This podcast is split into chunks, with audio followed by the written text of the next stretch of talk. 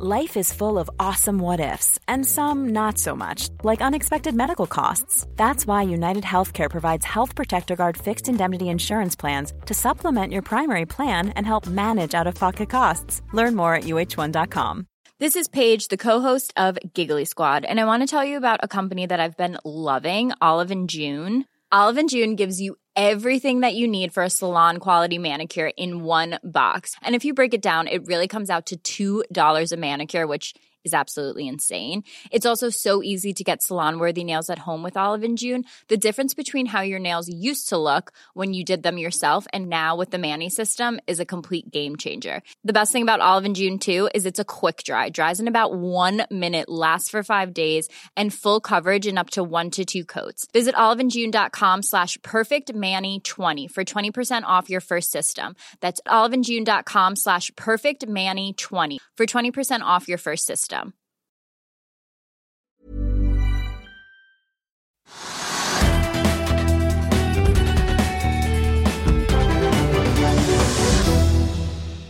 En eh, riktig god onsdag og velkommen til Økonominyhetene på denne 11. januar.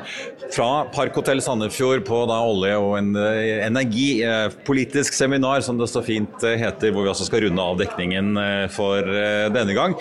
I sendingen så skal vi få med oss både en som vil bygge kjernekraft i Norge sammen med Trond Moen, nemlig Jonny Hesthammer, sjef i da Invest Energy. Vi får også med oss Høyre-leder Erna Solberg, og vi skal prate med sjefen i det PE-eide oljeselskapet Neptune Energy, som det spekuleres i kanskje kan bli solgt eller ende på børs. Norgessjef Odi Nestensen er min gjest om litt. Men la oss titte litt på markedet nå når vi har fått en halv børsdag bak oss omtrent. Oljeprisen har bikket opp over 80 dollar fatet igjen og ligger nå opp 1,2% i spotmarkedet til 80 dollar og 53 cent. Hovedindeksen på Oslo Børs derimot har vært i grønt tidligere i dag, men har mistet litt fart utover dagen. Ligger nå ned 0,3% til 1180 poeng. Og vi må ta med litt nyheter som er verdt å få med seg også. Vi begynner med meglerbransjen, for det er ikke bare i ABG hvor det er endringer på toppen om dagen. For Peter Løvaas, som tok over etter Mads Syversen som sjef i Arctic Securities, skal nå være ute etter bare rundt da tre måneder i jobben. Etter det vi i Finansavisen erfarer, så ble det sendt ut melding til de ansatte i Arctic i går. Og det var jo da i fjor sommer hvor man annonserte at Syversen skulle overlate roret til Løvaas etter da 15 år i sjefsstolen i meglerhuset han var med på å etablere. Styreleder Inge Hansen skriver i en melding til oss i FA at han ikke har ytterligere kommentarer, utover at styret er glad for at Mats Syversen har sagt seg villig til å da fortsette som administrerende direktør. Vi må også innom Equinor, som i dag er ute med en oppdatering, til, en oppdatering til analytikerstanden da, i forkant av at de leverer sine konsensustall inn mot uh, kvartalsrapporteringen. Equinor skriver der at de varsler et tap på 25 milliarder kroner i fjerde kvartal knyttet da til gasskontrakter. Gassprisen har jo falt en god del, og dette er da snakk om negative effekter fra derivater som blir da kompensert senere igjen da når gassen leveres. Og det er da snakk om tap da i dollar, i og med at Equinor bokfører det, på mellom 2,1 og 2,5 milliarder i den nedstrømsvirksomheten MMP. Det påpekes da at det blir delvis reversert senere av leveransekontrakten, og Equinor skriver også at de venter et langt bedre underliggende resultat enn det de tidligere har signalisert, på mellom 200 og 500 millioner dollar. Så Vi får se hvor høyt det ender, men i hvert fall godt over det. I tillegg så bokfører Equinor en skattefordel i USA på 2,5 milliarder dollar basert på gamle tap, som da kommer på toppen av de rundt 200 milliarder kronene de har bokført i tap i USA tidligere, som de nå kan bruke da på å trekke fra på skatteregningen. Og Så reverserer Equinor også en del nedskrivninger, både på da det britiske Mariner-feltet, dette tungoljefeltet som ble åpnet for ikke altfor lenge siden, og de reverserer også noen nedskrivninger i USA. Kvartalsrapporten og kapitalmarkedsdagen til Equinor den skal etter planen avholdes i London onsdag 8.2. Så får vi også ta med oss flyselskapet Norse Atlantic, som kom med en trafikkoppdatering for desember måned da på morgenkvisten i dag. Den aksjen er opp 3% Norse Atlantic har jo nå fått inn sitt siste og 15. fly i flåten, og selskapet kunne melde om både passasjervekst og at de er i gang med chartertrafikk for andre selskaper, bl.a. til Asia. Elkem faller nesten 2,5 i dag, til litt over 33 kroner aksjen. DNB Markets har vært ute og kuttet sin anbefaling fra kjøp til hold, og kursmålet tar de ned fra 40 til 35. Det er fordi de, da, de venter lave inntjening hos Elkem i 2023 mot 2022. Påpeker samtidig at fjerde kvartal nok fortsatt vil reflektere relativt gode priser. Så får jeg også så lenge med Frontline, som vi jo fikk en voldsom opptur på 21 da i går, etter at det ble kjent at oppkjøpet av Euronav ikke blir noe av. I dag så tikker Frontline enda litt videre oppover, men i litt mer rolig tempo, får vi si. Halvannen prosent. Vi er straks tilbake med dagens første gjest.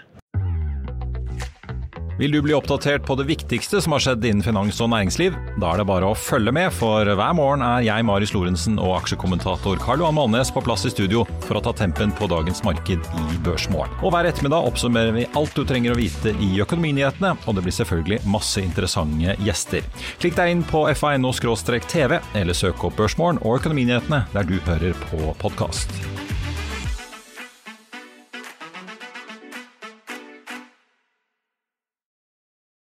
Skal vi begynne denne sendingen med deg, Jonny Hesthammer. Får vi si til vanlig sjef i MS Energy, et lite oljeselskap eh, du har startet sammen med Bergens investor eh, Trond Moen. Men nå driver du jammen med kjernekraft òg. Ja, Kanskje vi skal begynne der? Ja, vi ser jo. For dere har startet et nytt selskap? Ja, vi har rett og slett startet selskapet Norsk Kjernekraft AS.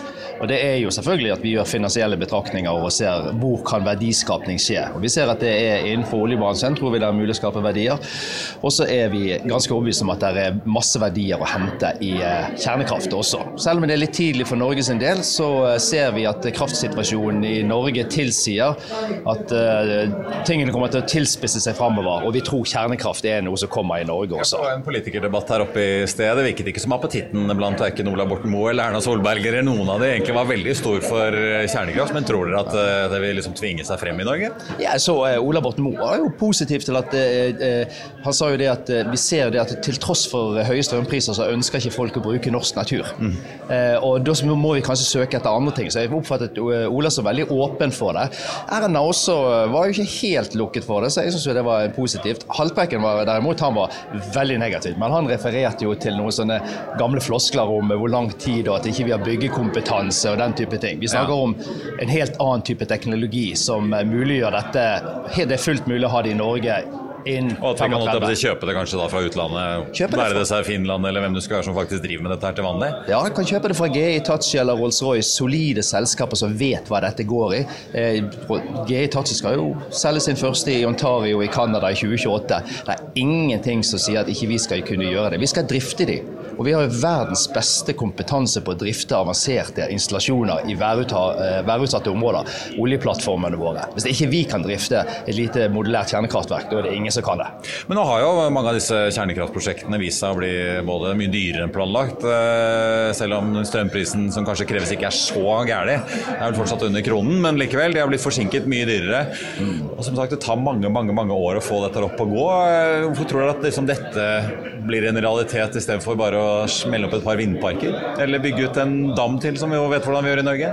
Nei, altså nå var jo eh, En av utfordringene til Norge er jo effektbalanse. Det var jo mm. noe som Statnett eh, tydeliggjorde i et brev de sendte til Olje- og energidepartementet nå, hvor de sier myndighetene må sørge for at det bygges ut mer regulerbar kraft, altså ikke væravhengig kraft. Eh, og, det, og den, den, kommer til å tilspisse seg. Og så ser vi når det gjelder dette motargumentene mot kostnader, mot pris, eh, mot avfallshåndtering, så, det, så ser vi at det, de, de, baserer det på disse store gigantprosjektene som, hvor det har vært tids- og kostnadsoverskridelser. Men nå snakker vi om små modulære reaktorer. Vi begynner med de som er basert på eksisterende teknologi, lettvannsreaktorer, og så drar vi de videre etterpå til eh, saltsmeltereaktorer fjerde generasjons. Dette er, dette er ting som masseproduseres på dedikerte fabrikker nettopp for å få ned tids- og kostnadsoverskridelsene. Og Vi er jo private aktører som ønsker å finansiere dette helt uten statlige subsidier. Så det argumentet om eh, tids- og kostnadsoverskridelser det bortfeller jo. Eh, politikerne bør jo tilrettelegge og lage regulativer og rammevilkår. og så bør ikke de Istedenfor å fortelle oss hva vi skal gjøre, så bør de legge rammevilkårene og så bør de overlate til industrien å gjøre det som er best. Og Jeg refererte jo i mitt foredrag i dag til EU eh, e og FN som har solide rapporter som mener at eh, kjernekraft er det veldig godt valg for klima, natur, miljø og menneskers helse. Det virker jo som det er en oppblomstring omtrent i alle land unntatt Tyskland, så får vi se hva som skjer der. Til og med Korea og Japan har de plukket planer opp av skuffene. men Gitt at dere fikk lov til dette her, da, at en kommune sa ja, vi kan ha dette i bakgården vår. Eh, hvor fort kunne man kommet i gang? Snakker vi 2030-tallet, eller er det ja, vi, mulig å få dette på 20-tallet? Jeg tror at eh, Si at politikerne virkelig hadde ønsket det, så kunne vi fått det på 20-tallet. Men jeg tror at det kommer til å kreve en politisk debatt i Norge. Det er ikke forbudt å bygge kjernekraft i Norge, men vi må ha konsesjon. Og det må regjeringen eh, gi. Sånn at det kommer til å ta litt tid. Så det vi sier, er at det er realistisk å få det på plass mellom 2030 og 2035. Omtrent det samme som flytende havvind. Og med, med, med en billigere kostnad. Til slutt, jeg må høre litt om oljebusinessen også. Du fikk tildelt en lisens, eller dere i MVS Energy fikk tildelt en lisens her på TFO-runden i nærheten av Draugenfeltet, så vidt jeg skjønner. ved Okea, Vi hadde Okea-sjefen med her i morges. Hva er liksom MVS Energys strategi, for dere er jo en relativt ny og liten aktør på sokkelen? Ja, og vi har jo tradisjonelt vært et leteselskap, men vi ser jo det at disse rammebetingelsene, de forutsigbare rammebetingelsene begynte å endre seg. Så vi så at vi trengte å komme i skatteposisjon å kjøpe oss inn i en 5 ja, Du kunne ikke leve av leterefusjonsordningen lenger? Nei. Bankene ønsker ikke det lånet lenger, det blir dyrere. Sant? Med den siste endringen som kom, så ble det 28 dyrere å drive leting.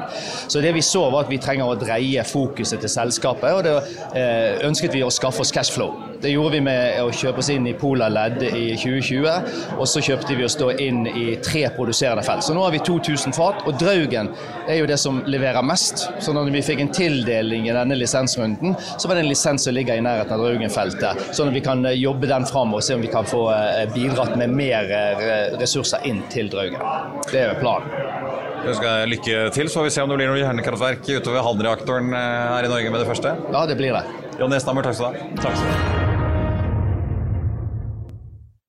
Da står jeg her med Høyre-leder og tidligere statsminister Erna Solberg, akkurat av podiet i partiet, eller den politiske debatten her oppe.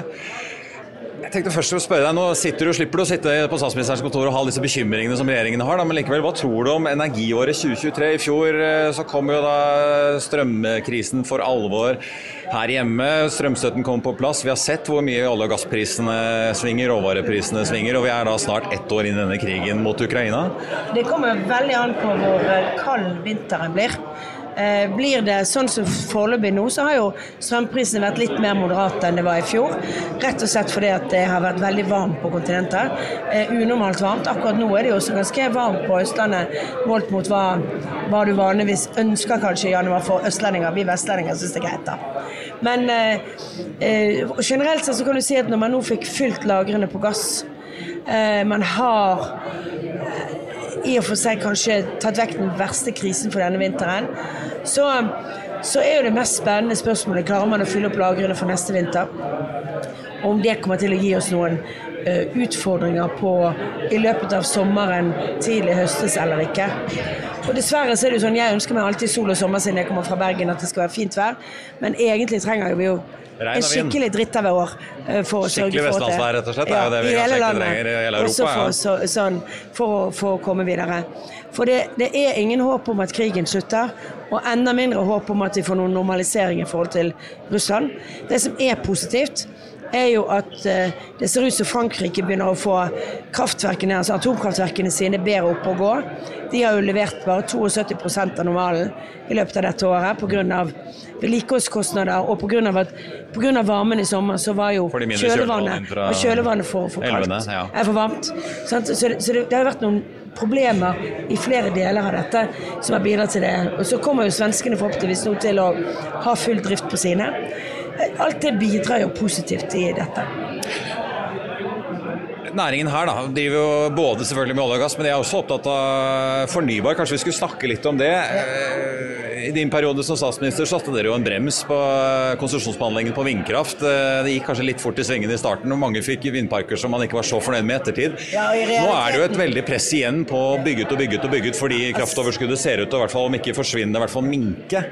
Hva tenker du om hvor vi står nå? Det, klarer vi å lære denne gangen, eller risikerer vi å gå i samme, samme fellen? I realiteten så, så, ble det jo helt stopp på vindkraft og nye prosjekter pga. at kommunene var imot og politiske flertallene var imot. Så det var, kan si at vi bremset det. Det vi gjorde var at vi sa nå stopper vi å lage nye konsesjonsregler. Og vi har laget nye konsesjonsregler. Så tilføyde Stortinget én regel eller ett krav, og det er at man skal bruke plan- og bygningsloven. Og det er enda ikke på plass. Og det forsinker jo nå igangsettelsen av et hvilket som helst prosjekt, for du vet ikke hvilket regelverk de skal behandles etter. Derfor er det på listen vår over ting som må komme fort på plass. Samtidig tror jeg vi skal være realistiske i forhold til hvor mange vindkraftprosjekter får vi. Jeg tror den beste sannsynligheten for å få mer vindkraft er der hvor det er koblet med industriutvikling direkte. Der hvor folk lokalt kan se at den kraften kommer til å bidra til at vi får flere jobber, mer vekst, mer utvikling.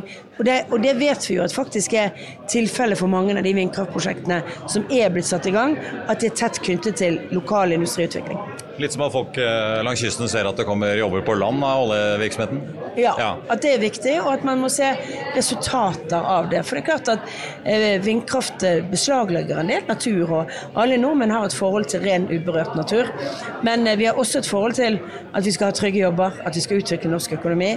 Og mye spennende, men energikrevende næring fremover som ønsker å etablere seg i Norge.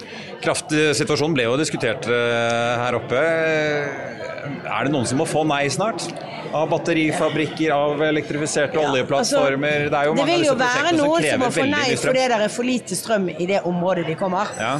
Og det vil være noen som da velger en annen lokalisering eh, for det de gjorde.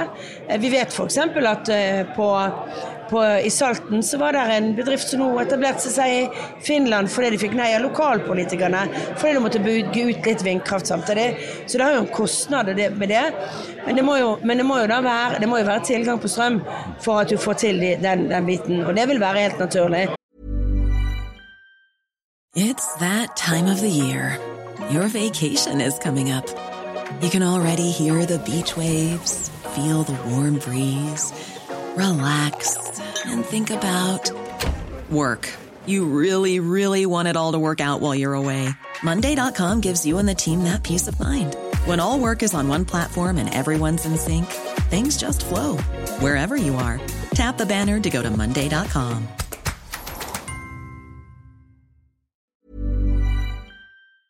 I'll see you in court. Vi sier det ofte litt på spøk, men for deg som driver business, er det aldri moro å innse at du ikke har laget en 100% gyldig kontrakt. Du bør ikke risikere hele firmaet ditt fordi du synes dette med kontrakter er litt stress. En avtale er ikke en avtale. Du kan miste kunder, miste venner, ja, til og med miste inntekter om du ikke lager en skikkelig kontrakt, på alt mulig, egentlig. Men vi vet det er et styr. Kopimaskiner, tregprinter og haugevis av papir. Dessuten stoler vi jo på folk her i landet. Det er ofte litt kleint å skulle be om en signatur for alt mulig, ja, for mye av styret handler også om jakten på underskriften. Det finnes en enkel måte å løse dette på, Dukkobit, en trygg, effektiv og get this, gratis måte å sikre seg en god natts søvn pluss en juridisk bindende avtale. Dukkobit-appen har de strengeste sikkerhetskrav i bunn, samt en EU-godkjent og sertifisert teknologi. Framover vil det bli behagelig å spørre du, skal vi skrive under på det, eller? Kom i gang på dokobit.no. Men det viktigste vi må gjøre nå, er faktisk å få opp mer strøm. For vi trenger jo disse arbeidsplassene. Vi skal jo reindustrialisere Norge. Vi skal massevis av ny teknologi som skal, vi skal leve av når oljeaktiviteten blir mindre. Og da må vi også sørge for at vi bygger raskere frem kraften. Og Det var derfor vi lanserte tolv forslag til ting som måtte gjøres raskt. Uh, noe veldig raskt i form av å rydde opp rundt solenergi på disse reglene for hvor store ja, litt på deling sånn. mellom ulike nabolag. Ja. nabolag og alt mulig sånt. Som, og det er massevis av tak eh, i Norge som kunne vært bygget ganske raskt ut mer solenergi på. Men da må vi gjøre noe med, med regelverket rundt dette. Men også litt lengre. Jeg syns jo det er dumt at på Søre Nordsjø nå så velger man da, som regjeringen gjorde, å bare ta halv utbygging pga. at vi ikke har ha hybridkabel nå. Og så har det som effekt at du må sannsynligvis gi noe garantistøtte på en eller annen måte fra, fra staten. De har vel lagt opp til differansekontrakter. Det er nok også grunnen til at de nå har halvert Utsira-prosjektet eh, i den uh, i de planene som ligger nå. Frykten er vel at en ny kabel sørover vil bare gi enda høyere strømpriser ja, men her Det mener vi går an å regulere. og Det mener ekspertene går an å regulere også. F.eks. med hvilken kapasitet som går ut og hvilken som går inn. Altså det, det, har noe med dimensjoneringen på de kablene, hvor mye som går til Norge og hvor mye som går ut av landet. Men må det komme noe der nå? Og så må jeg bare huske, ja, når vi begynte havvindsatsingen, så var det et teknologiprosjekt for næringslivet i Norge, hvor egentlig formålet var å selge kraft ikke til Norge, men til utlandet. Mm. Men altså, må, det, må det skje noe på altså, krafteksporten og prissmitten uh, i løpet av året, når du ser hvordan dette utspiller seg? Du hørte også Tysklands visekansler på NOs årskonferanse i forrige uke var ganske åpen på at spanjolene var heller ikke så fornøyd med at uh, prisene fra Tyskland smittet ned til Spania? nei da, og de har jo hatt et veldig overskudd fordi at franskmennene har liksom blokkert transmitteringen i sitt system. Så, så, det har jo vært stor utbygging, så de har hatt lave priser. Um, jeg tenker at uh, altså vi er ikke uh, bastante på om det kan komme noen regler fra det energiutvalget som kommer, som kan være mulig å bruke. Men vi har foreløpig ikke sett noen regler som på lang sikt kommer til å gjøre det bedre i Norge. Tvert imot så vil de fleste forslagene som så langt har vært oppe i debatten, sannsynliggjøre at det blir vanskeligere å, å, sikre at vi har nok kraft i fremtiden. Og det vil være en utfordring. Men, men vi er ikke noe bastantisk nei til å se på reguleringsmetoder. Eller, men det må passe inn i forhold til hvilke internasjonale forpliktelser vi har, og så må det passe inn i må vi sørge for at vi ikke forsøker å løse en kortsiktig situasjon. Og selv om vi kan føle at dette var et langt år, og dette året kommer til å være langt, så er det jo kortsiktig. Husk at dette kraftsystemet vi har, det har gitt oss lavere kraftpriser i 30 år enn det vi hadde på 80-tallet. Til slutt må vi snakke litt uh, kort om, om uh, liksom den økonomiske politikken i år. Da. Veldig mange bedrifter har jo sperret øynene opp med alle endringene som har kommet, særlig da på skatt uh, fra regjeringen. Det snakkes om store hull i budsjettene man må dekke inn. I det alternative budsjettet deres så er, dere reverserer jo ikke alt regjeringen har gjort. Det er litt på arbeidsgiveravgiften hvor dere kutter forslaget deres om å øke, men dere reverserer jo ikke alt f.eks. på kraftskatten. Nei, men altså, er, er, det, er det altså, blitt så krevende i norsk budsjettbehandling nå at man er nødt til å taue inn mer milliarder her og der? Men jeg mener at en, en match mellom det vi gjør på, på høyprisbidraget og eh, de utgiftene vi får på strømstøtte. Vi kunne valgt mer kompliserte og vanskeligere ordninger, nemlig å pålegge alle strømselskapene i Norge å faktisk betale tilbake til norske forbrukere en del av det de tar inn. Sant? Altså at, Å gi en eller annen form for rabatt, gjøre et eller annet sånt. Det hadde vært veldig mye mer enn, enn å ta alt inn på statsbudsjettet. Vi har valgt å gjøre det over statsbudsjettet, så må man også vente at den ekstraordinære inntekten ikke havner til stort sett offentlig eide eh, kraftselskaper.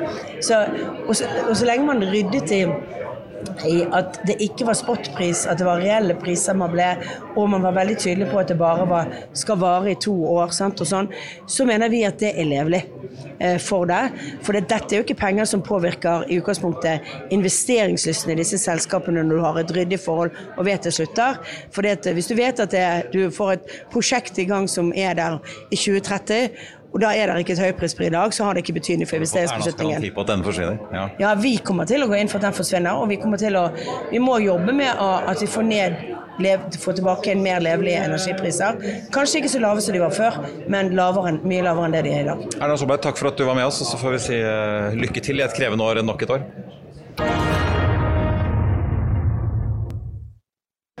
Da har jeg fått med meg Odin Estensen, norgessjef i oljeselskapet Neptun, som er eh, kanskje en av de større aktørene på norsk sokkel, som eh, fordi dere jo ikke er børshotell, kanskje ikke så mange kjenner til. Fortell litt om hvem er Neptun i Norge?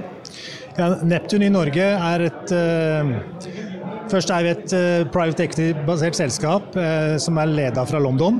Eida Carlisle, CWC Capital det stemmer. CIC, ja. Det stemmer. Og vi er i åtte forskjellige land, og hvor Norge da er det viktigste i, eh, i, den eh, gruppa, og hvor vi står for omtrent 50 eh, av produksjonen I konsernet, på en måte. Ja. Nå har det vært lisenstildelinger. Oljeministeren var relativt fornøyd med å kunne dele ut fra podiet her i sted holdt jeg på å si, den årlige lisensrunden TFO. Fornøyd med hva dere fikk, eller? Vi er rimelig fornøyd. Vi fikk lisenser rundt kjerneområdene våre. Eh, er, Som da er Gjøa primært? Det er Gjøa, og eh, så er vi også fått rundt eh, Fram, som også er viktig for oss. Vi hadde gjerne sett at vi hadde fått mer. Kanskje har søknaden vår denne gangen vært litt prega av at vi har vært veldig fokusert på å levere eh, prosjektene våre som har eh, blitt brakt fram til produksjon i de siste årene. Og også at vi har vært, eh, hatt fokus på å bore opp en del av de prospektene vi faktisk har hatt på boka vår.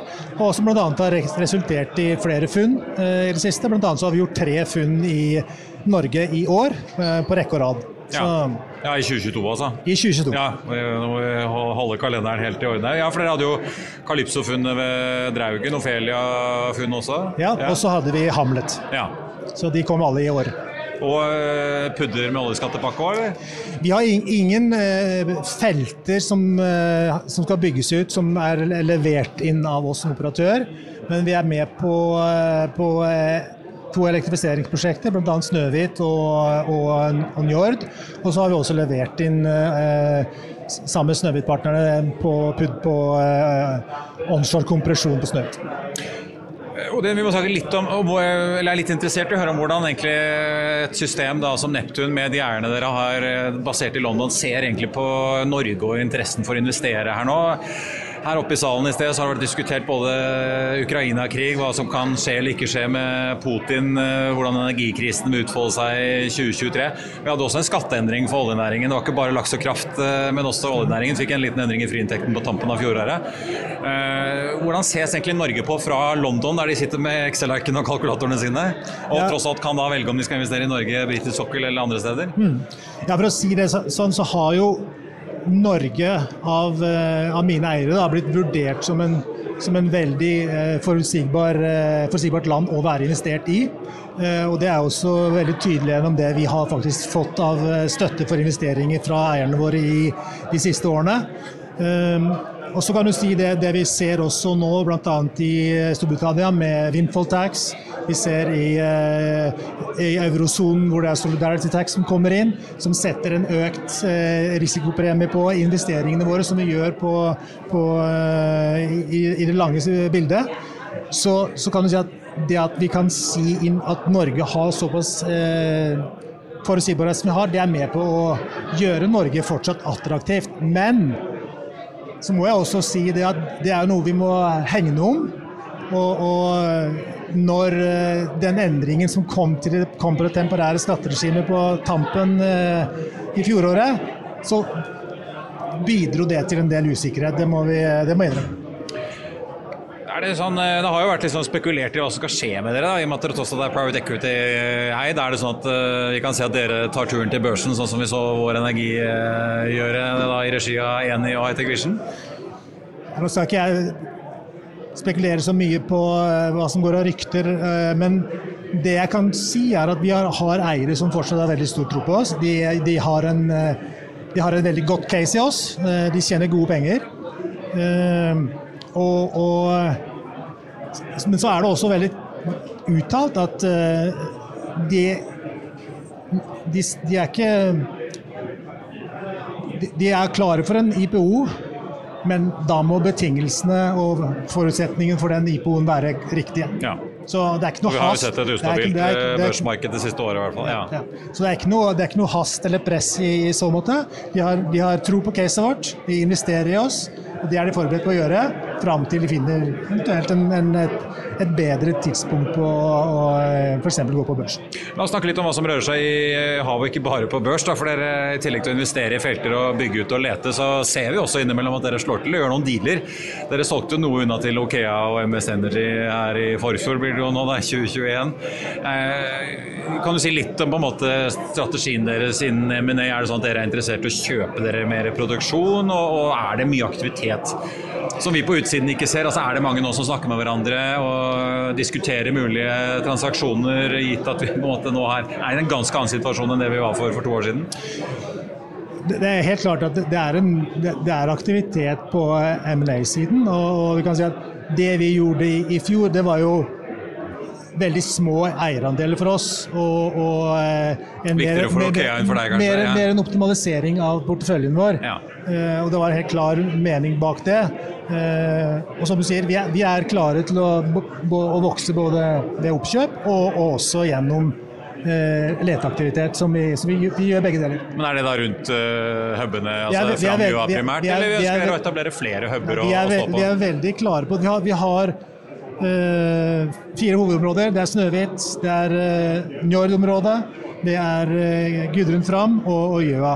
Det er der vi hovedsakelig er. Og, og, vi har også vært veldig bevisst på at det er også de områdene hvor vi vil ha elektrifisering. Ja. Og, og, alle våre hovedfelter er nå enten ferdig elektrifisert, eh, i ferd med å bli, eh, eller i ferd med å bli elektrifisert. Så, og, og da er det mye enklere å drive leteaktivitet i de områdene også. Ja, ikke sant? Ja, så dere ser ikke og for dere å etablere enda flere huber? At dere holder dere til de? Det Ja. er, i, I første omgang er det, men, men vi, selvfølgelig så er vi klare for andre muligheter. If the price is right, som man Yes. pleier å si.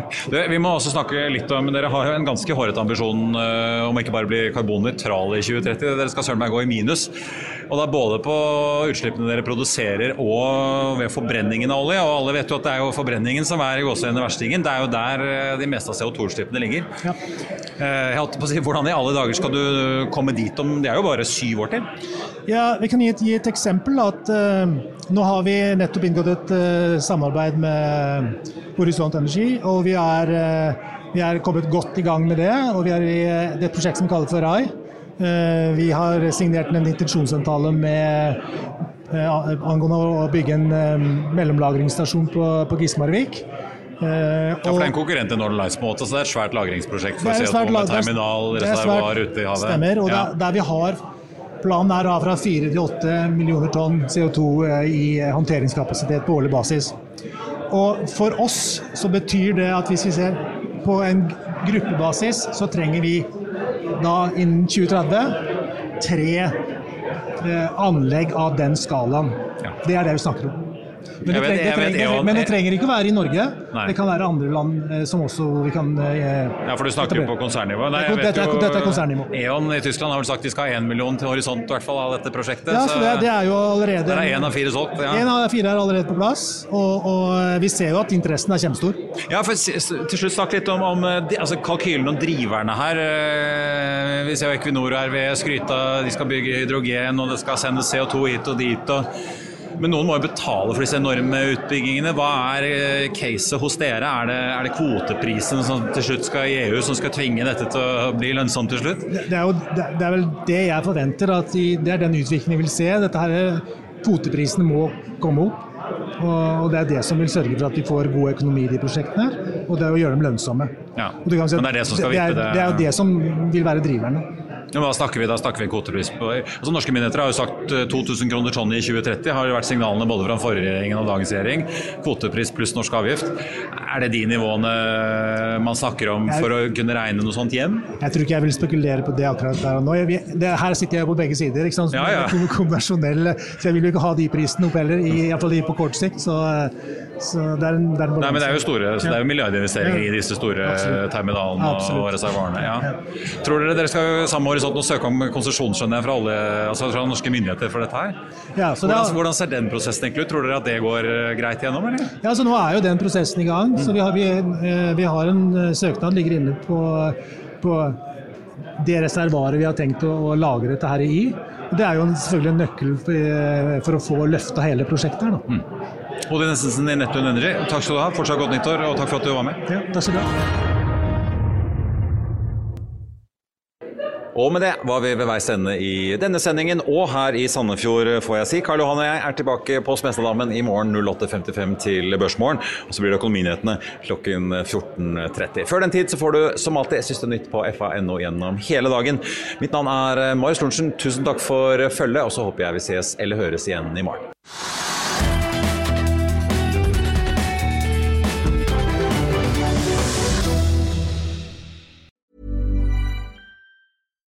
Hi, I'm Daniel, founder of Pretty Litter. Cats and cat owners deserve better than any old fashioned litter. That's why I teamed up with scientists and veterinarians to create Pretty Litter. Its innovative crystal formula has superior odor control and weighs up to 80% less than clay litter. Pretty Litter even monitors health by changing colors to help detect early signs of potential illness. It's the world's smartest kitty litter. Go to prettylitter.com and use code ACAST for 20% off your first order and a free cat toy. Terms and conditions apply. See site for details. Økonominyhetene er en podkast fra Finansavisen. Programledere er Marius Lorentzen, Stein Ove Haugen og Benedikte Storm Bamvik. Produsenter er Lars Brenden Skram og Bashar Johar. Og ansvarlig redaktør er Trygve Hegnar.